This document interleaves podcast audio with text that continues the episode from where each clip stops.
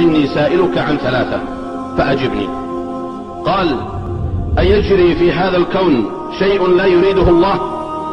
أو ينقص من رزقك شيء قدره الله؟ أو ينقص من أجلك لحظة كتبها الله؟ فقال الرجل لا.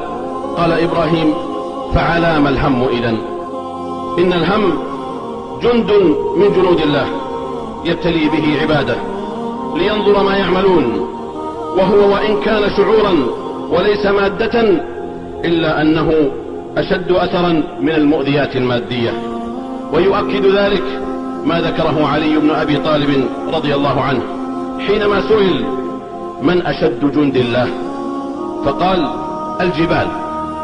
والجبال يقطعها الحديد فالحديد أقوى. والنار تذيب الحديد فالنار أقوى. والماء يطفئ النار فالماء أقوى والسحاب يحمل الماء فالسحاب أقوى والريح تعبث بالسحاب فالريح أقوى. والإنسان يتكفأ الريح بيده وثوبه فالإنسان أقوى. والنوم يغلب الإنسان فالنوم أقوى. والهم والهم يغلب النوم. فأقوى جند الله هو الهم يسلطه الله على من يشاء من عباده. ولقد صدق الله.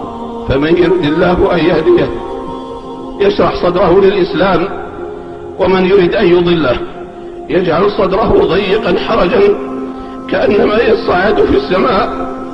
كذلك يجعل الله الرجس على الذين لا يؤمنون.